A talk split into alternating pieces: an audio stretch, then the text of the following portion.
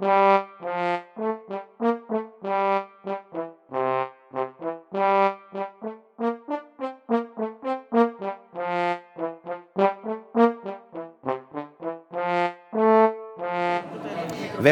till Helsingfors bokmässa och Boklunds monter, Skriptum och Boklund Publishing. Det är en finlandssvensk monter som finns i det området som där de svenska böckerna presenteras i framförallt på Helsingfors bokmässa 2019. Och nu ska vi prata med eh, Sabira Stålberg om lättläst och eh, en sådan satsning och lite av varje. Och välkommen hit Sabira. Tack så mycket. Och du är vem? Jag är författare och så är jag också forskare. Och sen är jag också en resenär. Så att jag har bott eh, ganska mycket utomlands och i flera länder. Och om vi går tillbaka till författarskapet så har jag skrivit, förutom lättläst, också eh, romaner och dikt och flerspråkiga dikter, så att jag skriver också flerspråkigt. Mina flerspråkiga dikter eh, har faktiskt över 30 olika språk. Okej. Okay. Språk som du kan eller som du i alla fall har använt? Eller hur? Det är språk som jag använder. Jag brukar försöka hålla cirka 10 språk per dag igång genom att läsa nyheter eller lyssna på radio. Och sen också att, att se på filmer förstås och, och sen att tala med folk. För att eh, jag är nog ganska mycket för det här att man ska tala direkt med folk fortfarande även om det nu finns och jag själv har skrivit om artificiell intelligens så tycker jag att det är jätteviktigt att man, man diskuterar med människor. Ja, det finns kvar. Det kanske ökar av betydelse. Men eh, det här med att, vi ska nämna att du är också journalist. Eh, du, har, du jobbar med radio också? Jag jobbar med radio, jag är också dokumentärfilms eh, manuskriptförfattare och producent. Och nu har jag faktiskt börjat filma själv också. Ja, perfekt. Du gör allt. Och så drar jag skrivarkurser så att jag drar också flerspråkiga skrivarkurser för uh, nyanlända, eh, sådana som har bott lite längre men vill gärna skriva på sitt eget språk eller på något annat språk. För det är ju inte alltid som man vill skriva bara på, på sitt modersmål utan man kanske vill skriva på ett annat språk, språk som man tycker att är väldigt spännande. Och, och, när, det, när det gäller radio så var hör man dig vanligtvis om du gör radiosaker? Är det på... Ja, alltså jag har jobbat på, uh, på radion tidigare och då gjorde jag kultur och språkprogram närmast. Men att uh, nu för tiden så är jag med om samhällsdiskussioner så att jag intervjuar träffar människor, eh, närmast alltså jag eh, har varit korrespondent på Balkan och eh, jag intervjuar då människor om olika frågor på Balkan. Och det är sådana längre diskussionsprogram så att, att det blir sådär cirka 20 minuters diskussion så att man kan hinna fördjupa sig också. Och det här är ett format som jag tycker väldigt mycket om därför att när man sätter sig ner och försöker fördjupa sig i en diskussion så då får man faktiskt också en helt annan syn. För att Balkan är ju ett område som är väldigt missförstått och väldigt mycket baserar sig på 1800-talets eh, attityder till Balkan. Men, men, är du där baserad eller bor du i Helsingfors numera? Eh, jag är lite baserad i min kappsäck. Okay. så att, eftersom mina böcker också översätts till andra språk så, så åker jag ganska mycket runt och, och på bokturnéer och föreläsningar och så drar jag också kurser lite överallt. Okej, okay, vad spännande. Men om vi då ska prata om det eh, som är aktuellt här på mässan då. Vi har, här på bordet har vi eh, eh flera stycken böcker framför oss i en serie då, lättläst serie. Och eh, berätta lite allmänt om den här serien. Jo, vi faktiskt firar 25 lättlästa finlandssvenska titlar i år, så vi har lite jubileum. Ja. Och vi har faktiskt tänkt att vi startar här på Bokmässan med ett lättläst år som då ska fortsätta under hela nästa år. Så att vi tänkte att det är viktigt nu att få ut eh, informationen om att lättläst faktiskt inte är bara för människor som har eh, svårigheter att läsa, utan det är för alla.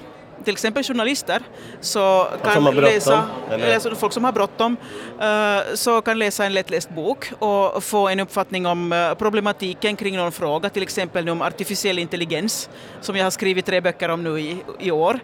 Och, då kan man förstå också uh, vad det egentligen handlar om. Och så brukar vi ha i vissa böcker, speciellt då just sådana lite svårare böcker, så brukar vi ha ett facit där vi berättar vad de här böckerna handlar om. För att uh, jag skriver inte böcker som uh, underskattar läsaren, utan det är böcker som har ett äventyr.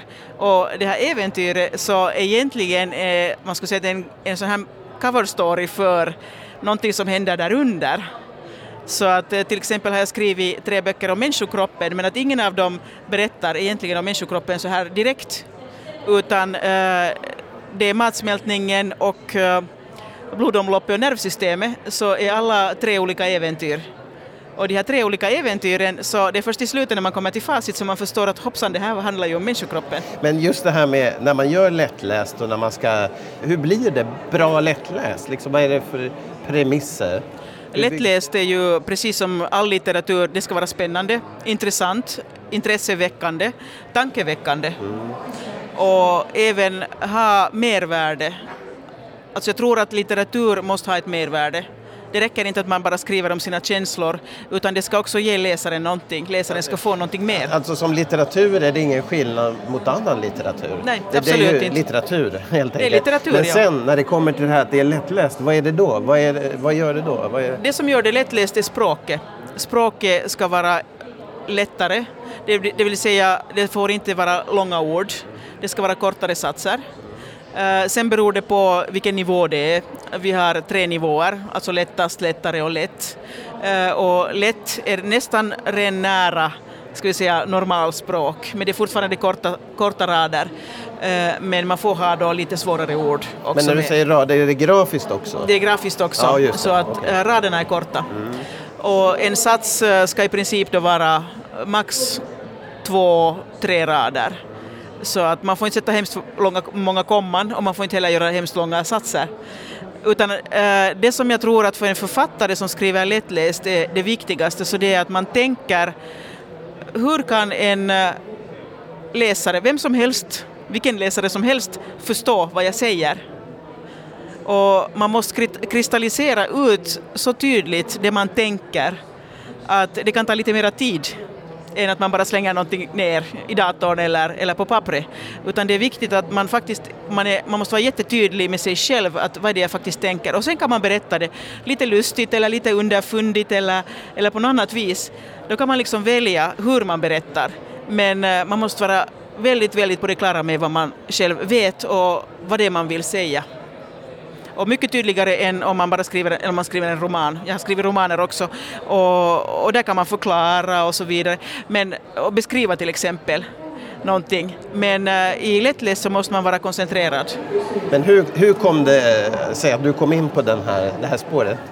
Uh, min morfar hade dyslexi och han hade alltid svårt att läsa. Han kämpade väldigt bra på så att han läste nog romaner och, och böcker. Det tog bara längre tid. Och eftersom jag själv då aldrig hade problem med att läsa så, så förstod jag inte som barn riktigt varför han hade problem. Men det förstod jag sen som vuxen och då var det en äh, finlandssvensk författare som då började med det här, Birgitta Bukt. Eh, hon startade i Finland det här med lättläst och skrev själv några böcker då i början på, eller det var slutet på 90-talet, början på 2000-talet. Och eh, det var hon som presenterade det här för mig och det sa bara klick, jag sa att det här är precis det jag jag, känner, jag, vet ju varför det här ska finnas till och jag vet vad det ska bli.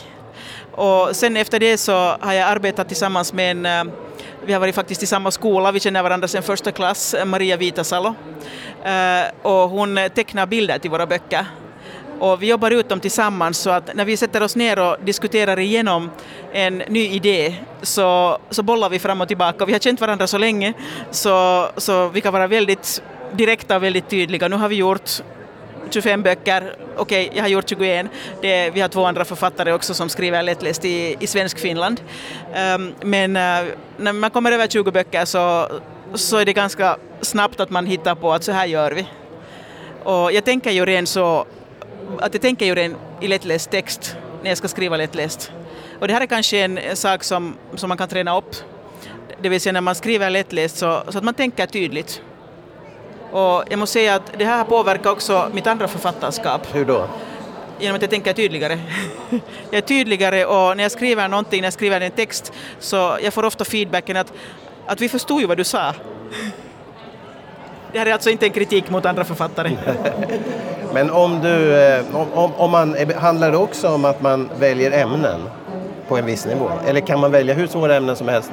Man, kan, ämnen som man helst? kan välja precis vad som helst. Vi har, vi har svåra ämnen som sorg, Uh, vi har till exempel en bok där en pojke har förlorat sina föräldrar i en olycka och han processar sorgen genom boken. Men det står inte i fokus utan det är äventyret som står i fokus. Så att storyn går vidare men han processar under tiden. Precis som det är i livet också. Att sorgen processas där medan man lever vidare. Man lever ju liksom från dag till dag. Uh, och sen um, har vi svåra saker just som artificiell intelligens Eh, då när vi började uh, och fundera på det här med artificiell intelligens så var det flera som... Som ju är de nya... Det är de nya tre böckerna. Ja, precis, hur ni tänkte då. Och då var det flera som sa att det där går ju inte, funkar ju inte, det är helt för tekniskt. Men faktum är att det går. Och om man diskuterar den etiska aspekten och frågor som handlar om säkerhet, till exempel datasäkerhet och användning av diverse mobiler och datorer och paddor och liknande plattor, så, så då fungerar det. Men att uh, det tekniska det kan den, sen den som är intresserad gå vidare med själv. Ja, och, man öppnar dörren för det. Ni går inte in på det hela vägen? Nej, vi, det som vi gör är att vi ger aptit för mervärde. Vi ger alltså vi skapar intresse. En ingång kan man säga. Det är en ingång och den här ingången ska vara spännande. Det ska vara en dörr man vill öppna och när man har gått igenom den här dörren och man har läst den här boken så, så ska det där intresse finnas där, kan finnas där förstås. Man kan ju inte säga att alla måste ha det. Men äh, intresse, alltså vi hoppas att väcka intresse för att gå vidare och läsa mer. För att äh, väldigt mycket av lättläst så äh, handlar om slutna saker, alltså saker, händelser eller storyn som slutar. Men våra böcker så de slutar aldrig. Nej, det börjar. Det börjar. Det, det ska vara den här inkörsporten. Både till läsandet och till ämnet. Så att, Exakt. Och läsandet av ämnet. Man ska, Men, man, när man läser om artificiell intelligens, uh, till exempel i Filip och skuggan där Filip uh, laddar ner en app, så då är tanken den att man ska börja fundera på hur en app som man laddar ner från nätet, vilket ju alla gör hela tiden, hur den faktiskt påverkar oss och vad det, hur mycket vi ger information om oss själva. Och där har vi datasäkerheten då. Det är datasäkerhet och det handlar också om vår egen användning så att fundera lite på det där, man borde fundera lite på det där, att hur använder man faktiskt de här apparna man har och behöver man faktiskt alla de där apparna i telefonen? Ja, vad spännande. Och ja, när vi ändå är inne på de här senaste så tar vi de andra två också. Det är artificiell intelligens. För den du nämnde nu var ju Filip och skuggan alltså. Och lite grann om den här då, fånga blicken och fixa fokus. Jo, fixa fokus handlar om att eh, vidga sina vyer. Det är alltså en bok som äh, är, sker i framtiden. Mm. Det här är ju det roliga med att vara författare, man kan alltid hitta på någonting nytt sådär för framtiden och, och det är ingen som sen kan komma och säga att, att det blev ju inte så. Om man tittar på någon Jules Verne till exempel så han hade ju sina framtidsvisioner, en del blev verklighet och en del blev inte verklighet. Men i Fixa Fokus har alla sådana här virtuella glasögon som de går omkring med sedan de föds ungefär. Och eh, det är fyra vänner vars glasögon eh, börjar ge fel signaler så de lär sig en hel massa om varandra, mer än de annars skulle lära sig i det här verkliga livet. För att de kanske inte vågar eller de kanske inte är så öppna om sina hemligheter. Så att eh, man upptäcker, alltså i boken kan man upptäcka väldigt mycket om varandra och ställa frågan också att hur begränsade är vi egentligen i våra synsätt?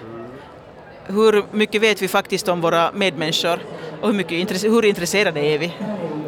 Och sen det virtuella också, kan man säga att det kommer in? Det virtuella äh, finns med och det finns hela tiden den här tekniska sidan med. Och sen har vi Fånga blicken då? Ja, Fånga blicken, det, det, är faktiskt min favorit från årets skörd. Eh, den eh, var väldigt rolig att skriva därför att där finns en superdator som berättar i jag-form om hur eh, den sköter om världen. Och den här datorn är programmerad på det viset att den ska se, tro att den faktiskt tar hand om allt. Men å andra sidan sen så vet de allt, allt om alla, om alla människor. Deras bakgrund, deras hälsojournal hos läkaren och så vidare. Så att eh, den här datorn, så den, eh, den har absolut ingen reflektion. Alltså den tänker inte på det här att hur används de här, eh, den här informationen. Och det här är ju en sån sak som är väldigt aktuell därför att vi vet faktiskt inte hur allt det vi gör i våra telefoner eller i våra surfplattor eller något liknande. Vi vet inte vart den här informationen går och vem som använder den och vart den säljs främst. Varför är det skojigt att skriva om de här, göra de här böckerna lättläst? Vad är det som du eh, kommer igång på med, dem, med den här produktionen?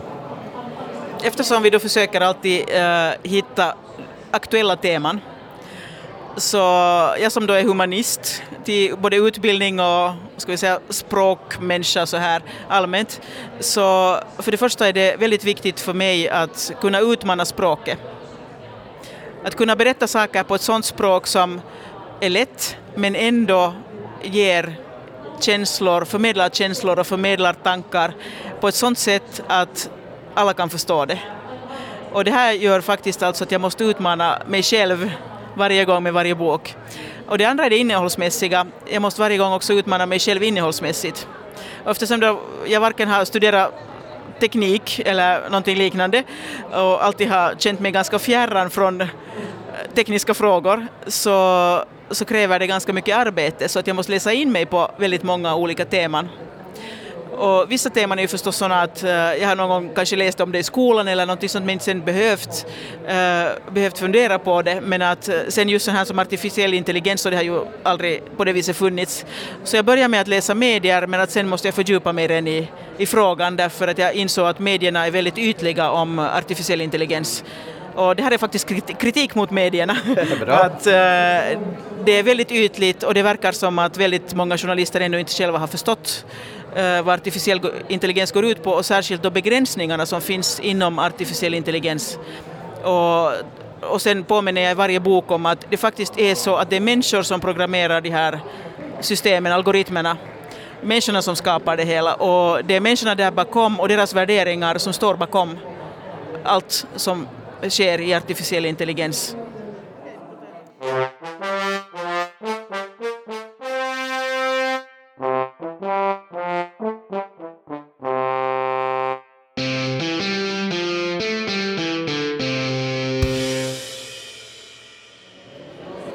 Vi ska fortsätta att prata om ett ämne som nog kopplar till det här med lättläst i alla fall, men som du också forskar om Sabira och det är ju flerspråkigheten.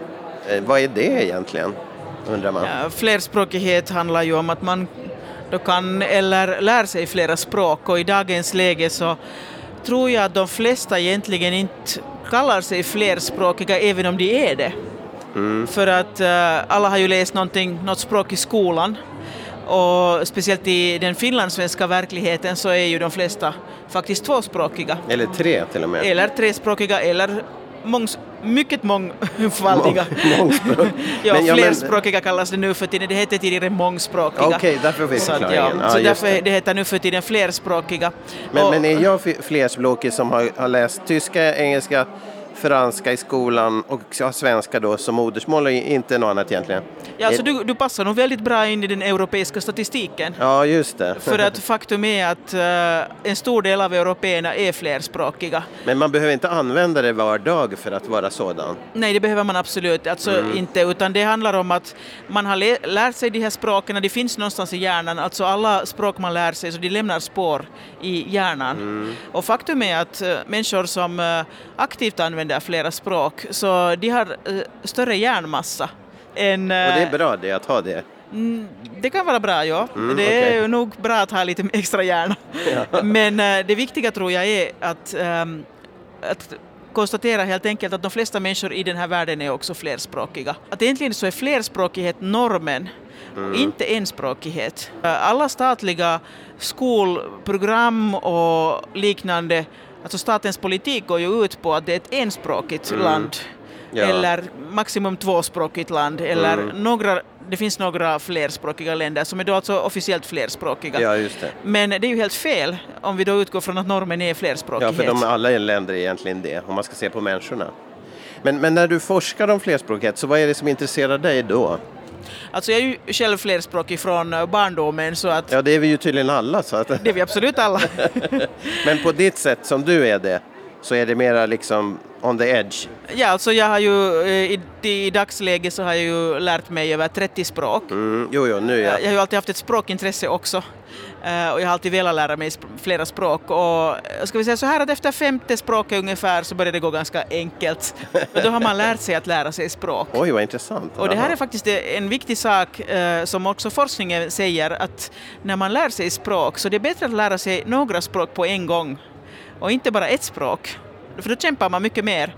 Men att när man lär sig att lära sig språk så då går det lättare. Väldigt bra tips. Men, och, och din forskning då? Ja, min forskning så handlar um, dels om uh, att skriva på flera språk. Jag har skrivit en uh, liten diktsamling. Det var ett experiment som jag gjorde uh, där jag har över 30 språk.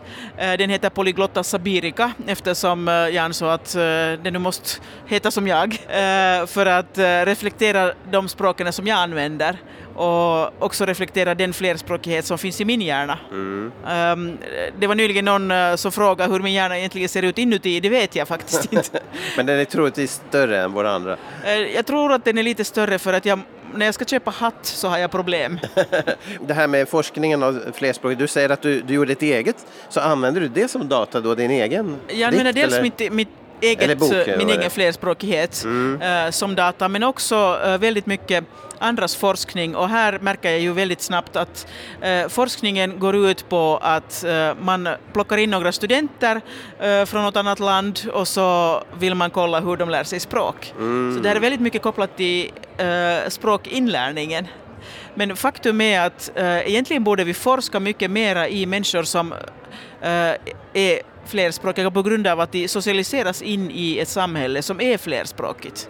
Men att eh, nationalismen som eh, nu har spritt sig sedan 1800-talet överallt i världen så har gjort att människor har blivit ganska enspåriga och enspråkiga, mm. officiellt åtminstone, även om de kanske sen talar någonting annat hemma också. För det är där som det har lagts grunden för det här vi pratade nyss, att, att det är ett språk vi har Fast så som man tittar under ytan så är det ju inte så. Men det är den där nationalismen mycket. Skapa nationer. Och. Precis, och det är ju jätteviktigt att vi forskar i verkligheten och inte i en uh, ideologi. ideologi. För det, ju, det, blir, det, blir ju väldigt snabbt så att den här ideologin tar över. Ja, ja visst. Och hur gör man för att undvika det, eh, fallgropen där då?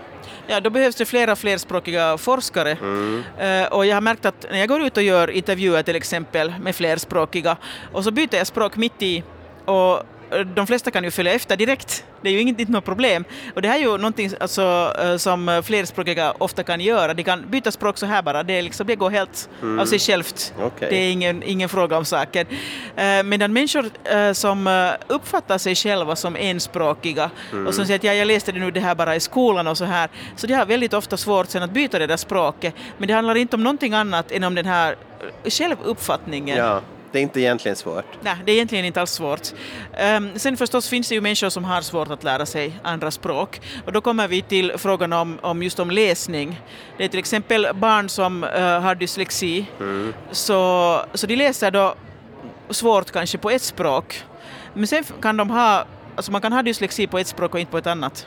Man kan ha lässvårigheter på ett språk och inte på ett annat. Aha, så det är inte självklart att det är på fler då? Nej, absolut Aha. inte. Och okej, då finns det lite forskning om det här att till exempel att barn som har engelska och kinesiska som, eh, som modersmål eller skolspråk och hemmaspråk mm. så uh, kan ha dyslexi på engelska men när de läser kinesiska går det bra.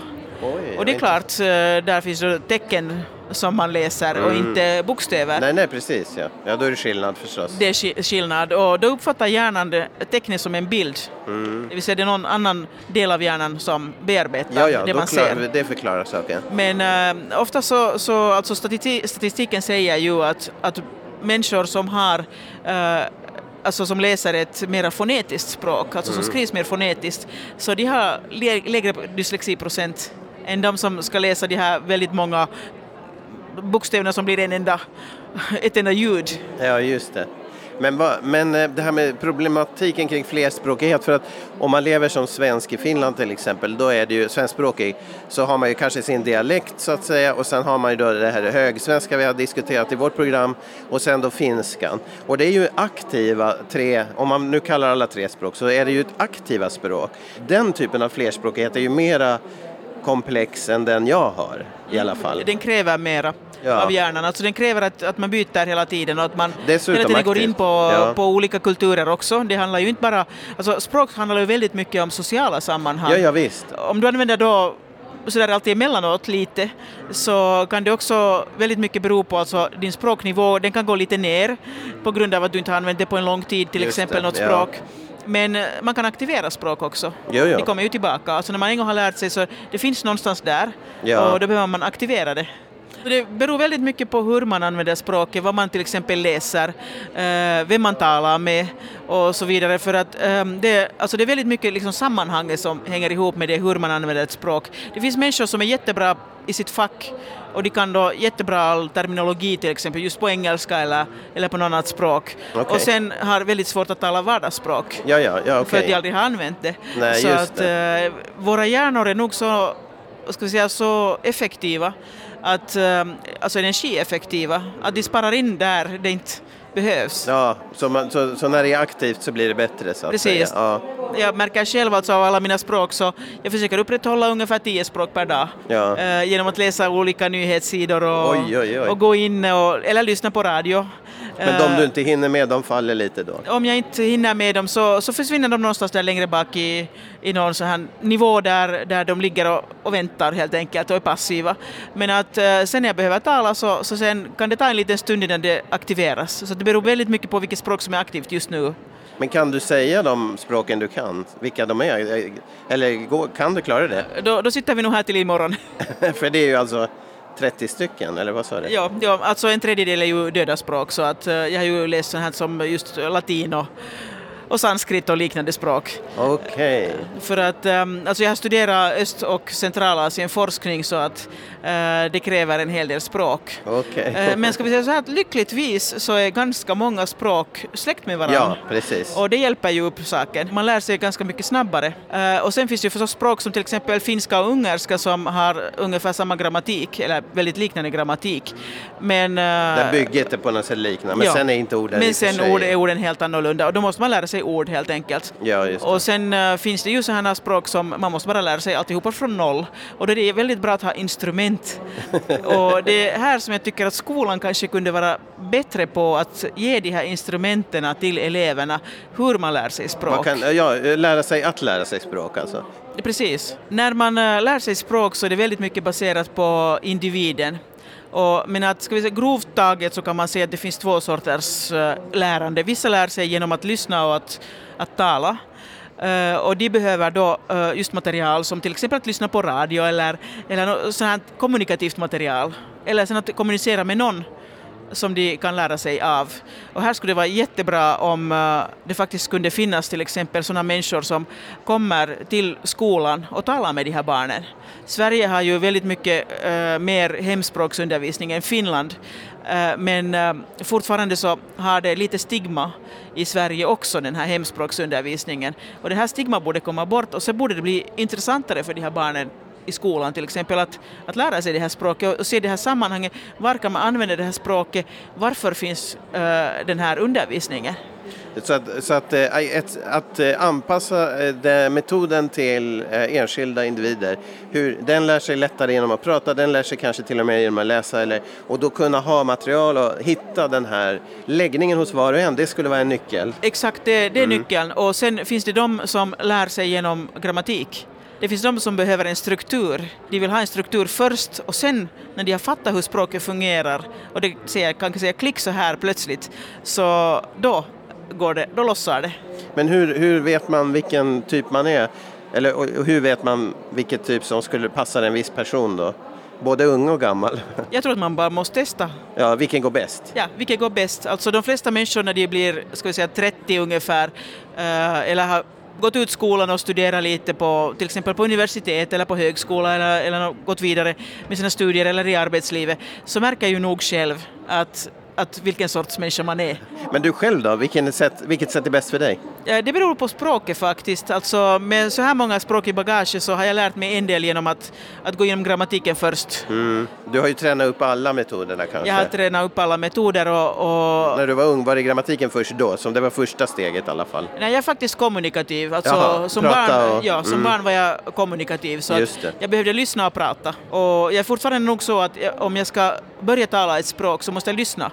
Så att då sätter jag mig ner och, och går igenom radiostationer och lyssnar på poddar och lyssnar på allt möjligt. Plötsligt så, så har jag den här melodin i huvudet och när jag har fått in melodin så, så då kan jag börja producera. Då sätter jag mig ner med grammatiken och, och sen funkar det. Så, men när du lyssnar på de här, då vet du, du förstår ingenting av vad de säger kanske? Inte i början, men sen efter en tid så, alltså jag kan, nu för tiden är det ganska snabbt så att nu kan jag lyssna och så Oj. börjar jag urskilja ord så småningom och uttryck. Och, Oj, oj. och sen så småningom så kommer jag rent till det här att nu, kan jag, liksom, nu förstår jag att, att var de här orden avgränsas. Så jag kan ganska snabbt nu för tiden höra, för jag tränar upp det här, att jag kan ganska, ganska snabbt också ta in grammatik genom att lyssna. Oj, vad spännande. Men att sen behöver jag nog en, en vettig grammatik att läsa. en Men det är ju för att du kan grammatik så bra, så du har någonting att lägga det på kanske? Precis, alltså jag har, har jag har, lärt dig systemen jag har alltså. paradigm i, olika paradigmer i, i hjärnan. Ja, precis. Ja. Oj, vad spännande. Det här ger hopp till oss alla. Och det, det sista vi skulle bara säga någonting om är kopplingen eh, flerspråkighet och lättläst. Hur är den egentligen?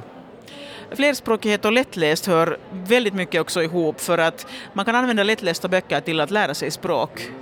Och det är ett sätt att, att motivera sig själv att läsa eh, på det språket. Easy readers har ju funnits eh, hur länge som helst i den engelskspråkiga världen. Men att eh, vi har väldigt mycket använt våra lättlästa böcker eh, också för att undervisa i svenska. Och jag har till exempel gjort experiment med flerspråkiga klasser så att vi har haft samma bok på olika språk. Och så har vi eh, tillsammans gått igenom de här olika språken och jämfört språken. För det här är jätteviktigt att man jämför språk, för då ser man också de här skillnaderna och man ser likheterna. Och om det är till exempel språk som är släkt så det är väldigt enkelt att säga att oj, de säger ju så här, vi säger ju också så här. Just det. Och det här uppmuntrar ju elever i skolan också, att inse att, att det här går ju jättebra. Att det här, jag kan ju det här, jag behöver inte lära mig det på nytt. För när man en gång har lärt sig den där paradigmen, här modellen, så då, då kan man eh, lära sig också nästa modell. Och sen ehm, en jätteviktig sak med lättläst så är ju det att eh, man får vardagsspråk. Just. Och, och därför så skriver jag sådana böcker som eh, berättar om vardagen och berättar om sådana saker som kan hända precis vem som helst. Så att om du läser en bok som jag har skrivit så, så kan du känna igen dig, det är det första. Och sen så vet du att det här kan hända dig också. Och det är inte så här typ att du, du hittar något lik någonstans liggandes i din eh, farstu. Eh, utan, utan. Ja, det är ganska ovanligt faktiskt. Alltså det är 0, någonting procent som hittar Mm, ja, okej. lika i farstun. Men eh, det handlar om att, eh, att du går ut på gatan och, och så ser du någonting eller upplever någonting som kan hända dig i vardagen också. Och det är jätteviktigt med lättläst. Mm. Och det är någonting som jag tror att, och det ska ändå inte vara för jordnära, man får vara abstrakt, det är ju inte något problem med det. Men man ska kunna vara abstrakt på ett sådant sätt att det är förståeligt. Och eh, väldigt många som då lär sig till exempel svenska, alltså vi har ju originalböckerna på svenska, som lär sig svenska så de säger att, att de får eh, väldigt mycket ordförråd ur de här böckerna. För till lättlästa böcker så upprepar man ju också ord och förklarar, om det är svårare ord så förklarar man dem och berättar vad det handlar om och då får man ännu flera ord. För att det är väldigt viktigt att berika ordförrådet, Ja, speciellt när man lär sig språk. och det är ett lätt sätt. Men, men den som vill lära sig flera språk ska ju absolut då ta till sig lättläst. Det är ju inte bara för sk- nå- som, någon som har svårare att läsa som är barn eller ung, utan det kan vara för en äldre som vill lära sig nya språk. Absolut, absolut. Alltså, lättläst passar ju för alla åldrar. Mm. Det finns ju också lättläst, alltså, det kategoris, ålderskategoriseras oftast, men att, eh, jag tycker att det är viktigare att eh, språkkategorisera, det vill säga ha de här nivå, språknivåerna. För man kan, ha, man kan vara av olika ålder och man kan ha olika språknivåer. Och man kan vara vuxen och läsa en barnbok lättläst Ja, ja, och det är ja. helt okej. Men då ska den inte heller underskatta läsaren. Och det här är något som jag tycker att är väldigt viktigt.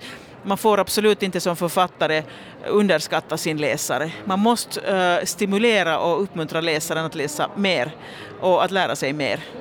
Men uh, faktum är att nu när jag har hållit på ganska mycket också med hjärnforskning, uh, läst in mig på, på hjärnforskningen och själv också gjort experiment, så uh, har jag märkt att det faktiskt inte finns människor som inte kan vara nyfikna.